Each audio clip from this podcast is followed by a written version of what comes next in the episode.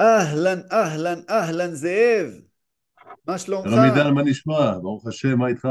ברוך השם, איזה כיף שאתה פה איתנו בפרק, מן שאפק. תעיש, תעיש, ואהלן, אהלן. אהלן לכל הצופים והמאזינים שלנו בפודקאסט מוואל, פרק 29, והיום בנושא אל-קוראן אל-כרים, הקוראן. אז אכן אה, עידן. כן, נושא שהוא אה, מאוד מאוד אה, מעניין. וכמו שלנו היהודים יש את התנ"ך ולנוצרים יש את הברית החדשה, למוסלמים יש את הקוראן.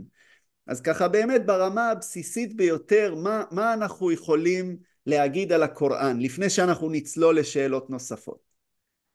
אז אה, כן, בוא נתחיל קודם כל עם משמעות המילה קוראן. כמובן בערבית זה אל-קוראן. בעצם המילה קוראן נגזרת מהפועל אה, קראה, שבנוסף למשמעותו של אה, קריאה, לקרוא, יש לו עוד משמעות, הפועל קראה בערבית יש לו גם משמעות של אסף, קיבץ. כלומר, הקוראן מכונה ככה מכיוון שהוא בעצם אוסף של פסוקים ופרקים בעצם שנאספו יחד. לכן הוא נקרא אה, אל-קוראן, יש לו עוד שמות, כמו אל-פורקן, אל-הודא, אה, לא מעט שמות, נקרא גם שם מאוד ידוע גם ברמת הרחוב, אל-מוסחף. מוסחף זה עוד שם אה, בעצם לקוראן, שבעצם זה אה, מוסחף גם כן המילה, כן, אה, זה בעצם ספר שאוגד אה, דפים כתובים, אה, מוסחף. אה, בעצם אה, אם אה, ניגע במועד ירידת הקוראן, אז בעצם הקוראן ירד בשלמותו מהלוח הגנוז, אל-לוח אל-מחפוז, שבעצם על פי המסורת הלוח הגנוז נמצא על יד כיסא הכבוד של אללה, וכתוב שם בעצם כל מה שקרה ועתיד לקרות. עכשיו הקוראן ירד בשלמותו בעצם ממקום שנקרא בליל הגורל הוא ירד, ב-27 ברמדאן, אני שם פה כוכבית כי זה לא, לא התאריך היחיד למי שלמטיבי לכת, אבל הוא ירד ב-27 ברמדאן לצורך העניין בשלמותו, ממקום שנקרא, כן, אה, אה, בית אל-עוזה, מבית אל-עוזה הוא ירד לנביא מוחמד, כן? זאת אומרת, הוא ירד מהלוח הגנוז לבית אל-עוזה ברקיע התחתון, ומשם הוא התחיל לרדת פסוקים פסוקים לנביא מוחמד. כלומר, בליל הגורל הוא ירד בשלמותו מכה אחת, מהלוח הגנוז לבית אל-עוזה. יש, אחרי זה התחילו לרדת פסוקים פסוקים לנביא מוחמד. יפה, אה, בעצם הפסוקים הראשונים שירדו הם מפרק 96, כי כמו שנראה בהמשך, הקוראן לא מסודר לפי סדר כרונולוגי. אז סור, אה, יש פרק שנקרא סורת אל-עלק, פרק אדם הכרוש 96, ושם בעצם אלה חמשת הפסוקים הראשונים שירדו לנביא מוחמד, והפסוקים ירדו לנביא מוחמד דרך אה, ג'יבריל, המלאך גבריאל. כלומר, לא באופן ישיר מאללה, אלא דרך מתווך שהוא ג'יבריל. עכשיו, בעצם ההתגלות הייתה בין השנים 610 ל-632. במהלך השנים האלו הקוראן ירד פסוקים פסוקים לנביא מוחמד. חמשת הפסוקים הראשונים מפרק אדם הכרוש, שמתחיל במילה אקרא, קרא, כן? קרא בשם ריבונך אשר ברא, אקרא בסמי רביקה אללזי חלק. כלומר, בעצם יש פה קריאה, מלאך גבריאל קרא בשם בוראך אשר ברא, כן, אשר זה ברא, ההתחלה כלומר, זו, של הקוראן, כן, כלומר, זו קריאה לנביא מוחמד להכיר באללה, בריבון שברא אותו. אה, ההתגלות הייתה במערה מזרחית למכה שנקראת מערת חיראק, או בערבית גר חיראק. עכשיו, אם ניגע במבנה הקוראן, באיזה שנה, רק לפני, אה, באיזה שנה זה היה? אז בעצם מתחילת ההתגלות ב-610. 610 ואמרת ככל הנראה בליל הגורל. כלומר בליל הגורל אבל כלומר, בליל שהמחלוקת הגורל, קיימת מתי הוא היה בדיוק. כן, כי לילת אל-קדר יכול להיות בעשרת הימים האחרונים של רמדאן בימים האי-זוגיים. נעזוב את זה לנושא אחר של רמדאן. כמובן. אה, עכשיו, הקוראן בנוי מ-114 אה, אה, אה, פרקים, כאשר למעט הפרק הראשון, שניגע בו בהמשך, סורת אל-פתיחה, כל הפרקים מסודרים מהפרק הארוך ביותר לקצר ביותר. כלומר, הפרק, הפרק הארוך ביותר הוא הפרק השני, סורת אל-בקרה, פרק הפרה, שבו 286 פסוקים. הפרק הקצר ביותר זה פרק 108, סורת אל-קאות'ר, השפע או נהר בגן עדן, שהוא שלושה פסוקים. יפה, עכשיו, מי, ש, יפה. מי באמת בקוראן, משהו רק- שחשוב לנו ככה כן. אה, להבהיר, הרבה פעמים שואלים אותנו בקורסים שלנו, אה, בסדנאות ובהרצאות, רגע, הקוראן לא מסודר אה, לפי סדר כרונולוגי? לא, אז, אז זו הנקודה, לא. הקוראן לא מסודר לפי סדר כרונולוגי, אלא גם מי שיעיין בתוך הקוראן יגלה שמה שאמרנו כרגע, מארוך לקצר, יש לי באמצע קצת זיופים, זה בגדול. והוא בוודאי לא מסודר לפי סדר כרונולוגי, אלא בעצם אנחנו עכשיו נסביר מה שנקרא בערבית אסבאב א-נוזול, כלומר סיבת ירידת הפסוקים. כלומר הפסוקים לא ירדו כ... אה, אה, למשל פרק הפרה, הוא לא ירד במכה אחת, לא ירד במכה אחת. כלומר בעצם הפסוקים ירדו לרוב על פי איזושהי סיבה מסוימת, הייתה סיבה למשל, ואז ירדו פסוקים. למשל, איך מחלקים שלב במלחמה. עד שלא נדרשו לסוגיה הזו, אז מן הסתם אה, לא עסקו בזה. כשנדרשו לסוגיה, ירדו הפסוקים שהבהירו את הסוגיה. אה, והרבה הלכות ככה בעצם אה, ירדו, וזה מה שנקרא אסבב נוזול. כלומר, המפרשים, המפרשים הרבה פעמים מזדקקים לאסבב נוזול כדי להבין איך לפרש פרק מסוים, כי בלי הרקע, לאותו פרק קשה להבין מה מטרת הפסוקים, מה הפסוקים אומרים. כלומר, הרקע, הרקע ההיסטורי שהיה באותה תקופה. כן, שהביא לירידת הפסוקים. אז בעצם מה שקרה זה שאמרנו שהקוראן ירד, בעצם הפסוקים ירדו נביא מוחמד על ידי המלאך גבריאל, ועכשיו אם תשאל אז איך בסופו של דבר מסודר הקוראן, אז כל נכון. שנה ברמדאן המלאך אה, ג'יבריל היה אומר לנביא מוחמד על כל קבוצת פסוקים באיזה פרק הם אמורים להיות בסופו של דבר. כל רמדאן. עד שבעצם בסופו של דבר, בשנה האחרונה, ירדו כל הפסוקים שצריכים לרדת, ובעצם הקוראן סודר כפי שהוא היום. יש עוד גרסה שאומרת שמי שסידר את הקוראן זה בעצם הסחאבה, אחרי מות הנביא מוחמד. בעצם הסחאבה היו uh, מה שנקרא המקורבים של מוחמד, ראשוני המוסלמים, והם בעצם סידרו את זה בסופו של דבר uh, על פי ציוויו, כי הם שיננו את זה הרי, כפי שנראה בהמשך, הם שיננו בעל פה דברים שהוא אמר להם. אז בעצם הקוראן זה לא מסודר אה, אה, כרונולוגי. יפה. לא מסודר כרונולוגי. יפה. אה, אז אחרי שבאמת הבהרנו את הנקודה הזו, יש בקוראן, אם אנחנו עדיין בחלק של המבנה שלו, יש פרקים מסוימים שנפתחים עם אותיות שאין להם משמעות, או המשמעות שלהם לא כל כך ברורה. תוכל להרחיב איך קוראים כן, לפרקים האלה כן. ומה בדיוק כן. מדובר? כן. אז בעצם אה, בקוראן, כפי שציינת, יש בעצם ב-29 פרקים, פרק נקרא סורה, אה, פסוק נקרא איה. אז בעצם ב-29 פרקים מהקוראן, אה, הפרקים פותחים באותיות לא מובנות, כן? הרי כל פרק פותח בבסמילה הרחמן הרחים, חוץ מפרק 9, שזה סורת התאובה. שזה בשם אללה הרחמן והרחום. נכון. ואחרי אחרי הביסמילה הרחמן הרחים יש אה, אותיות מסוימות, זה יכול להיות אות אחת או עד חמש, שאף אחד לא יודע בדיוק מה בעצם המשמעות אה, של אותן אותיות, והן נקראות אה, אה, אל-חורוף אל-מוקטעה, כן, האותיות הקטועות, או אל-פוואטח, הפותחות, האותיות שפותחות את הפרק, או אוואל סואר, כלומר האותיות הראשונות של, ה, של הפרק. עכשיו, הן נחשבות לחלק בלתי נפרד מהפרק. אותיות אלו נחשבות ממש כ... יש להן סגולות אפילו, כן? עכשיו יש כל מיני גרסאות, לא ניכנס לזה, כאילו מה בעצם משמעות ה... האותיות האלו, אבל בעצם המוסלמי צריך להאמין שהם ירדו כי כך היה רצונו של אללה, בלי יותר מדי תהיות. עכשיו, יש בסך הכל 14 אותיות מן מורכבות, הפוואטח, האותיות הפותחות את הפרקים, ומי שרוצה יכול לזכור אותם, כן, במשפט הבא, נוס חכים להו סיר קאטע. כלומר, אם נתרגם אפילו עברית, לכאורה, טקסט אה, חכם שיש לו סוד נחרץ, כן? נוס חכים להוסיר קאטע. אלה ארבע עשרות המרכיבות את הפוואטח. עכשיו, לגבי, אם ציינת את הפרקים, אז עוד לפני הפוואטח ולפני הבסמילה, רשום מעל פרק מה שמו, וגם כן רשום אה, באות, באותו, באותה כותרת, נגיד סורת אל-פאתיחה. אז רשום בדרך כלל גם כמה פסוקים יש בפרק, והיכן הוא ירד. מה הכוונה? הרי אמרנו שהפרקים ירדו לנביא מוחמד דרך המלאך גבריאל. עכשיו, יש פרקים בקוראן שירדו בתקופת מכה. בין השנים 610 לשנים 632. כן. אז יש פרקים שירדו בתקופת מכה. צריך לזכור שנביא מוחמד הוא יליד מכה, בן שבט קורייש, ועד 622 הוא חי בעצם במכה. בסביבה של אה, עובדי לילים כופרים.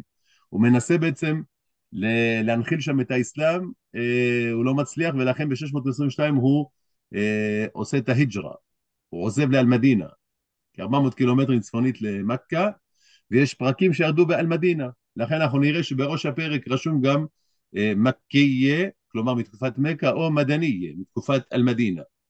עכשיו יש 82, 82 פרקים ירדו במכה, 20 באל-מדינה ו-12 פרקים יש מחלוקת, לכן נראה חלוקות שונות של ה... לא להידבק למספר הזה כי יש כל מיני גרסאות. אה, למשל הפרקים של מכה, שבתקופת בעצם אה, אה, ההתחלה, שהנביא מוחמד היה באזור של עובדי אלילים, אז בעצם המאפיינים של אותם פרקים זה למשל ייחוד אללה, תרחיד אללה, בעצם להסביר להם, לאותם עובדי אלילים שצריך לעבוד רק את אללה. אותם פרקים עוסקים גם ביום הדין, יום הדין, בעונש לכופרים. לעומת זאת הסורות שירדו באל-מדינה, שזה כבר התקופה שהאסלאם יותר מתבסס ופחות נרדף, אז זה עוסק במצוות שונות, כמו ירושה, אה, למשל דינים, כן, כל מה שקשור לגניבה, נשים וכו', וגם במצוות הג'יהאד. אה, זה היה באל-מדינה.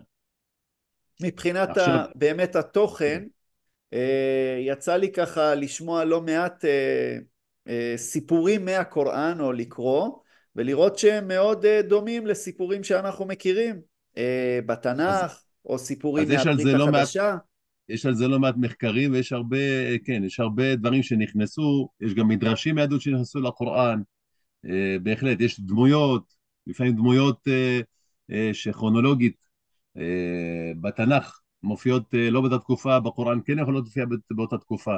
יש על זה מחקרים לא מעטים, בהחלט. Mm-hmm. לגבי אופן איסוף הקוראן, אה, הרי אנחנו צריכים להבין בעצם שנביא מוחמד הרי היה אומי, היה אינו יודע קרוא וכתוב. זאת אומרת, הוא הכל שינן, הכל, כל הפסוקים שנאמרו לו שינן בעל פה, ואחרי זה הוא חזר לבני שבטו והתחיל לשנן את הפסוקים, וראשוני המוסלמים, הסחאבה, שיננו איתו את הפסוקים. כלומר, בעצם זה היה משהו שעבר בעל פה. אז באמת עולה השאלה, היום אנחנו מכירים את זה לא כתורה שבעל פה, היום כולנו מכירים את הספר שמעוטר בדרך כלל בעיטורים אה, יפים. מתי הוא כן. בעצם אה, כווץ והפך להיות ספר כתוב? יפה, אז בעצם, אה, אז הנביא מוחמד, כפי שאמרנו, בעצם שינן את הפסוקים האלה לסחאבה, חלקם שידעו קרוא וכתוב, העלו את זה על הכתב בעצם. אז חלק מהדברים האלה כן נכתבו, כי לא היה איסור לכתוב את זה בעצם. פשוט הנביא מוחמד היה משנן את זה, וחלקם שיננו בעל פה, וחלקם שידעו קור טוב, אה, פשוט אה, אה, כתבו את זה. אז השלב הראשון היה באמת שהדברים היו בעל פה, וחלקם נכתבו. אחרי מות הנביא מוחמד, ב-632, מקבל את ה, בעצם היורש, החליפה, הוא אבו בכר א-סדיק, שהיה גם חותנו. בתו עיישה, בתו של אבו בכר, עיישה, הייתה נשואה במוחמד. אה, אבו בכר מקבל את התפקיד של החליפה הראשון, ובתקופתו מה שקורה... חליף יורש, היורש. כן. מה שקורה בתקופת אבו בכר א-סדיק, אה, אני מדגיש א-סדיק, עם כסרה בסד, אה, כן? אז בתקופתו, מה שקרה זה שהרבה מאלו שהתאסלמו בתקופת הנביא מוחמד ונתנו לו שבועת אמונים ביעה, אמרו אנחנו הבעיה שלנו, שבועת האמונים הייתה נביא מוחמד, אם הוא מת, אז אנחנו לא מחויבים לו, אנחנו כבר לא מוסלמים. ואבו בכר א-סדיק עשה מלחמות שנקראות אה, חורוב א-רדה, בעצם מלחמות להחזיר את אלה שעזבו את האסלאם, להחזיר אותם לחיק האסלאם, ומה שקרה במלחמות האלו, הרבה מהמשננים בעצם אה, אה, מתו בקרבות. והיה סכנה של עיבוד האנשים שזכרו בעל פה את הקוראן. אז אבו בכר גם כן עצר מפעל של בעצם אה, אה, איסוף הקוראן. מאלה שעוד נשארו, הוא אסף הכל הכל הכל והעלה את זה על הכתב. ובעצם התקופה המסכמת של איסוף הקוראן הייתה בתקופת החליף הרביעי, עות'מאן בנו עפאן, שהוא התחיל בעצם במהלך, הוא התחיל במהלך הזה בתקופה, בשנת 25 להיג'רה, שזה משהו כמו 647, שהוא מתחיל בעצם אה, אה, אה, באיסוף. עכשיו, מדוע הוא החליט, הרי בתקופת אבו בכר כבר הכל די נאסף, ומה שקרה זה שהיו קריאות שונות של הקוראן. אה, אה, אה, הקוראן לא היה מנוקד, היו רק אותיות בלי הניקוד הדיאקריטי, והיו כל מיני קריאות, היו שבע עד עשר קריאות שונות. עות'מאן החליט והאימפריה המוסלמית התרחבה, והסכנה של כל מיני, שייכנסו כל מיני פרשנויות שונות עם הקריאה השונה, הוא החליט שהוא מאגד את זה לקובץ אחד, שהוא יהיה הקובץ המוביל, אחד ויחיד, והוא השמיד כל עותק אחר, זאת אומרת, הוא עשה בעצם אה, עותק אחד לכל החליפות. אה, זה היה בתקופת בעצם אה, עות'מאן, שהוא השאיר עותק אחד, כי היו כל מיני קריאות שונות של הקוראן. יפה. כי בעצם עד תקופת עות'מאן, כפי שציינו, לא היה ניקוד דיאקריטי. יפה. אז בעצם עות'מאן הופך, מאחד את זה, והיום כשאנחנו נגיד לוקחים ספר קוראן, האם יש דברים מסוימים שכתובים עליו מחוץ לטקסט? יפה, אז נתחיל, נתחיל עם אחד הדברים שאנשים לא שמים לב אליו, ולרוב זה כתוב, לא בכל עותקי הקוראן, אנחנו נראה שכתוב קוראן חפס ען עאסם. זה שני שמות, חפס ען עאסם. כלומר, כי בעצם... מה זה אומר? יפה, אז זה בעצם כי אחרי שנקבע הנוסח הסופי של הקוראן, עדיין היו דרכים שונות לקריאה בגלל הניקוד הדיאקריטי. אז בסוף המאה הראשונה להיג'רה אה, בעצם נקבע נוסח אחד שהוא חפס ען אה. בעצם אה, הנוסח הזה הנהיג אותו חפס בנו סלימאן, זה השם שלו, חפס, הבן של סלימאן, ככה שמו, הוא היה תלמידו של האימאם עאסם, עאסם בנו עבדאללה. בעצם הוא למד את הקריאה מעאסם, והקריאה של עאסם היא בשושלת מסירה מעלי מהנביא מוחמד. כלומר זו השושלת המסירה המדויקת של כפי שצריך לקרוא את הקוראן מפי הנביא מוחמד, כן? קריאה זו נפוצה בכל העולם המוסלמי בעצם אה, עד ימינו, אה, למעט במרוקו שם נוסח הקריאה קצת שונה. אז לכן כשאנחנו לוקחים עותק אה, קוראן ורואים חפסן עאסם, זה בעצם סוג הקריאה. זה סוג הקריאה בעצם שהיום שכיח בכל העולם המוסלמי. לכן יש עותקי קוראן שגם לא, זה לא, לא מצוין, כי ידוע שבעצם אה, אה, זה הנוסח עכשיו, מדוע דווקא הנוסח הזה התקבל? כי בעצם הקריאה בו יחסית uh, קלה. Uh, ומה שהיה זה גם כן שחפס, שהיה תלמיד של עאסם, היגר מקופה למכה, ושם הוא גם קיבל לכאורה סוג של כאילו גושפנקה לקריאה שלו מאנשי מכה, וככה זה התקבל כנוסח המקובל בימינו. יפה. עכשיו, אתה שאלת אם יש עוד דברים כן, שאפשר לראות על ה... כן, יש דברים נוספים שכתובים על הקוראן שהם לא הטקסט עצמו. כן, למשל אנחנו נראה שרשום לא ימסוהו אילה אל-מוטהרון. כלומר לא יגעו בו אלא הטהורים.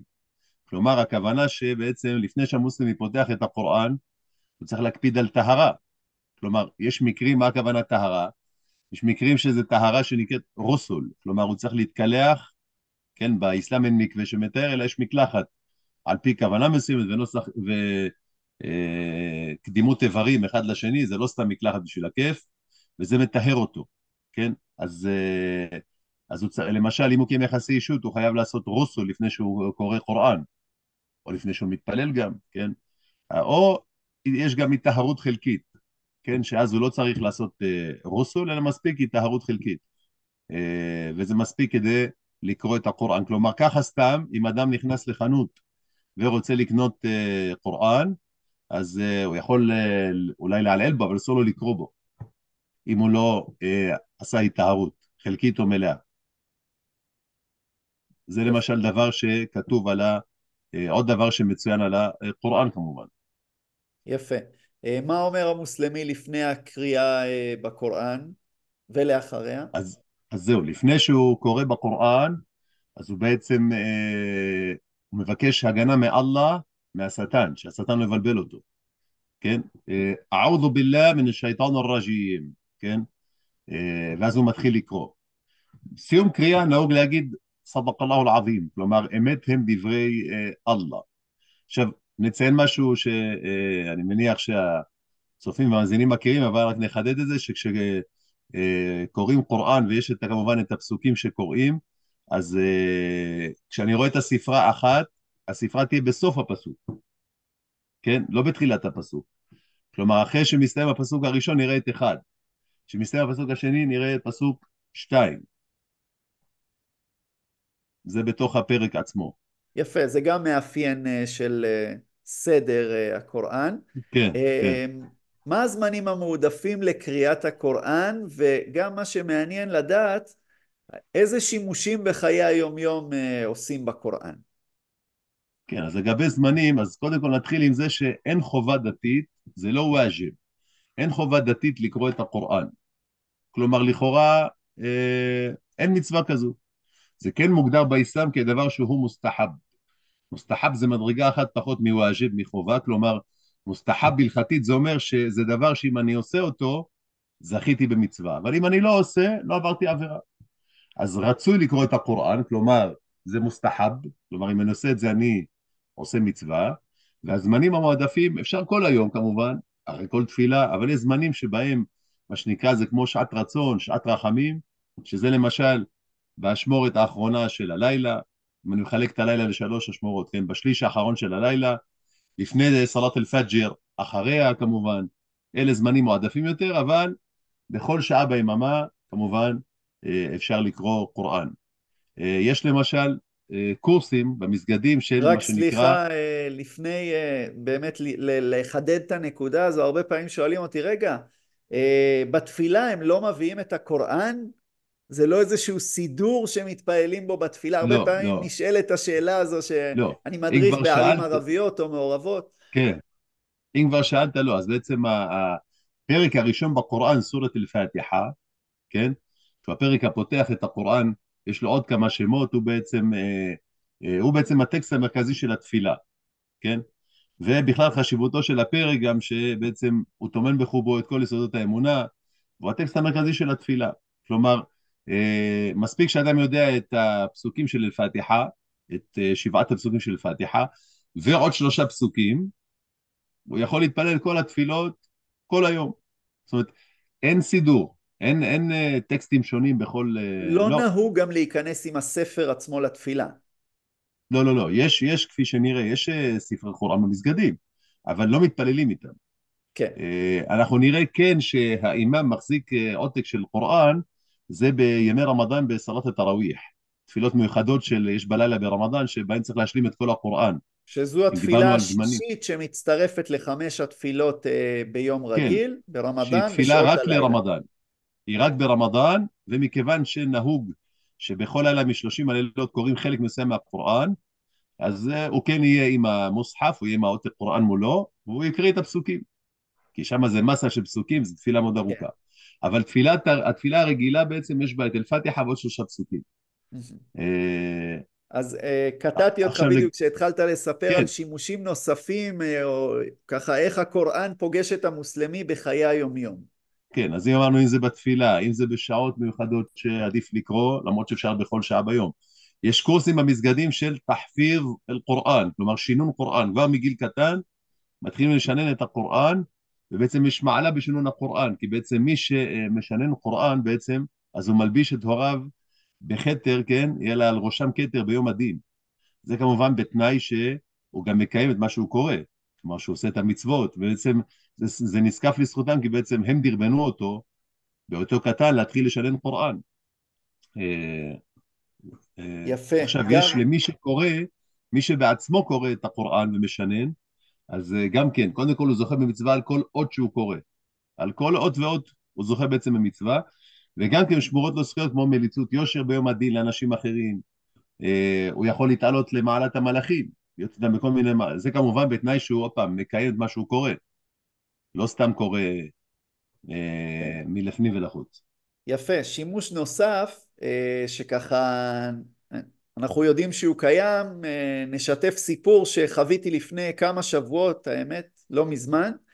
יצא לי אה, ככה לשבת באיזה רחוב וראיתי אה, ככה שני אה, מוסלמים יושבים על ספסל ומדברים בטון גבוה אחד עם השני ואני רואה שהם בלב ויכוח ממש ויכוח שעולה לטונים גבוהים ואני רואה שאחד מהם ככה הולך בזעם לכיוון הרכב שלו. ואני אומר mm-hmm. וואו מה, מה הוא הולך להביא מהרכב? זה, זה היה נראה אפילו קצת מפחיד. מאיים. מאיים. ואני רואה הוא פותח את הרכב ככה, את הדלת בעצבים, מתכופף ושולף, שולף את ספר הקוראן, את המוסחף, והולך לאותו בן אדם, מניח את ידו על הקוראן ואומר אני נשבע לך בקוראן שמה שאני אומר לך זה דברים נכונים. בסופו של דבר אה, ככה אני אקצר את הסיפור השניים לחצו ידיים התחבקו התנשקו. כלומר הקוראן משמש כמרכיב שאנשים גם נשבעים עליו ביום יום להראות כן, אמינות בזה- או להראות אני לא משקר כן. אה, כן, אז עוד פעם, לגבי הנושא הזה, יש מחלוקת בין הפוסקים, האם מותר לעשות את זה או לא. האם מותר להישבע על הקוראן. אה, ממש יש מחלוקת, ודעת דעת הרבה מהפוסקים היא שלא לעשות את זה. דווקא שלא לעשות את זה. אז, לא להישבע על. הקוראן. אז זה יפה לראות שלמרות שרוב כן. הפוסקים אומרים לא לעשות את זה, המקרה שאני ראיתי במו עיניי, אני מניח כן. שהוא לא היחיד בכל האומה. לא, לא. בהחלט, בהחלט. ויש על זה לא מעט. אה, יש על זה מעט פסקי הלכה ופתאווה בנושא הזה. אל-חילף אה, על אל-קוראן, כן, האם מותר להישבע, כן. לשים יד ימין על הקוראן, אה, כן. אז זה מלמד אותנו לפעמים את ההבדל גם בין ההלכה לבין הפרקטיקה היומיומית. כן, אה, לבין שאנשים המעשה. לפעמים עושים דברים שסותרים את ההלכה, לא תמיד ובהחלט עולים ברוח ההלכה. ניתן להיתקל בזה ביום יום, אפילו פה בארץ. בהחלט, בהחלט. יפה. אה, איזה שימושים או עניינים נוספים, אה, ככה זאב, תוכל לחדש לנו לגבי הקוראן? דברים אולי שאנשים פחות מכירים? למשל נהוג אה, אה, לתרום למסגדים אה, קוראן לעילוי נשמת המת. למשל אה, מישהו, אני יודע מה, אבא שלו מת, אז הוא תורם 40 עותקי קוראן למסגד, הוא גם שם בפנים פתק שזה ל- כן, לעילוי נשמת המרחום, ככה וככה, אה, למרות שאם המרחום. המנוח. המנוח, כן. כלומר, מדוע דווקא תורמים את זה, את הקוראן למסגד? אפשר גם לבתי ספר, לכל מקום שבו יודעים שיקראו את, ה, את הקוראן, כי בעצם סוג התרומה הזה הספציפי, אה, זה נקרא אה, באסלאם סדקה ג'אריה, זה מצווה שנזקפת לזכות השעוברת למת, כלומר, הוא כבר מת, הוא נמצא איפה שהוא נמצא, הבנים שלו תורמים עות- עותקים לנשמתו, כל פעם שמישהו קורא בקוראן, זה נזקף לזכות המת, זאת אומרת, צדקה שהולכת עם המת, היא נקראת סדקה ג'אריה, שממשיכה איתו.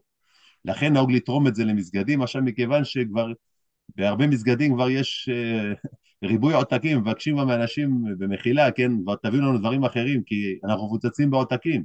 מה נעשו ככה בעותקים של קוראן? כאילו, לא באמת בכולם קוראים. אה, כן. אבל זה למשל דבר שנהוג לתרום למסגדים, בהחלט.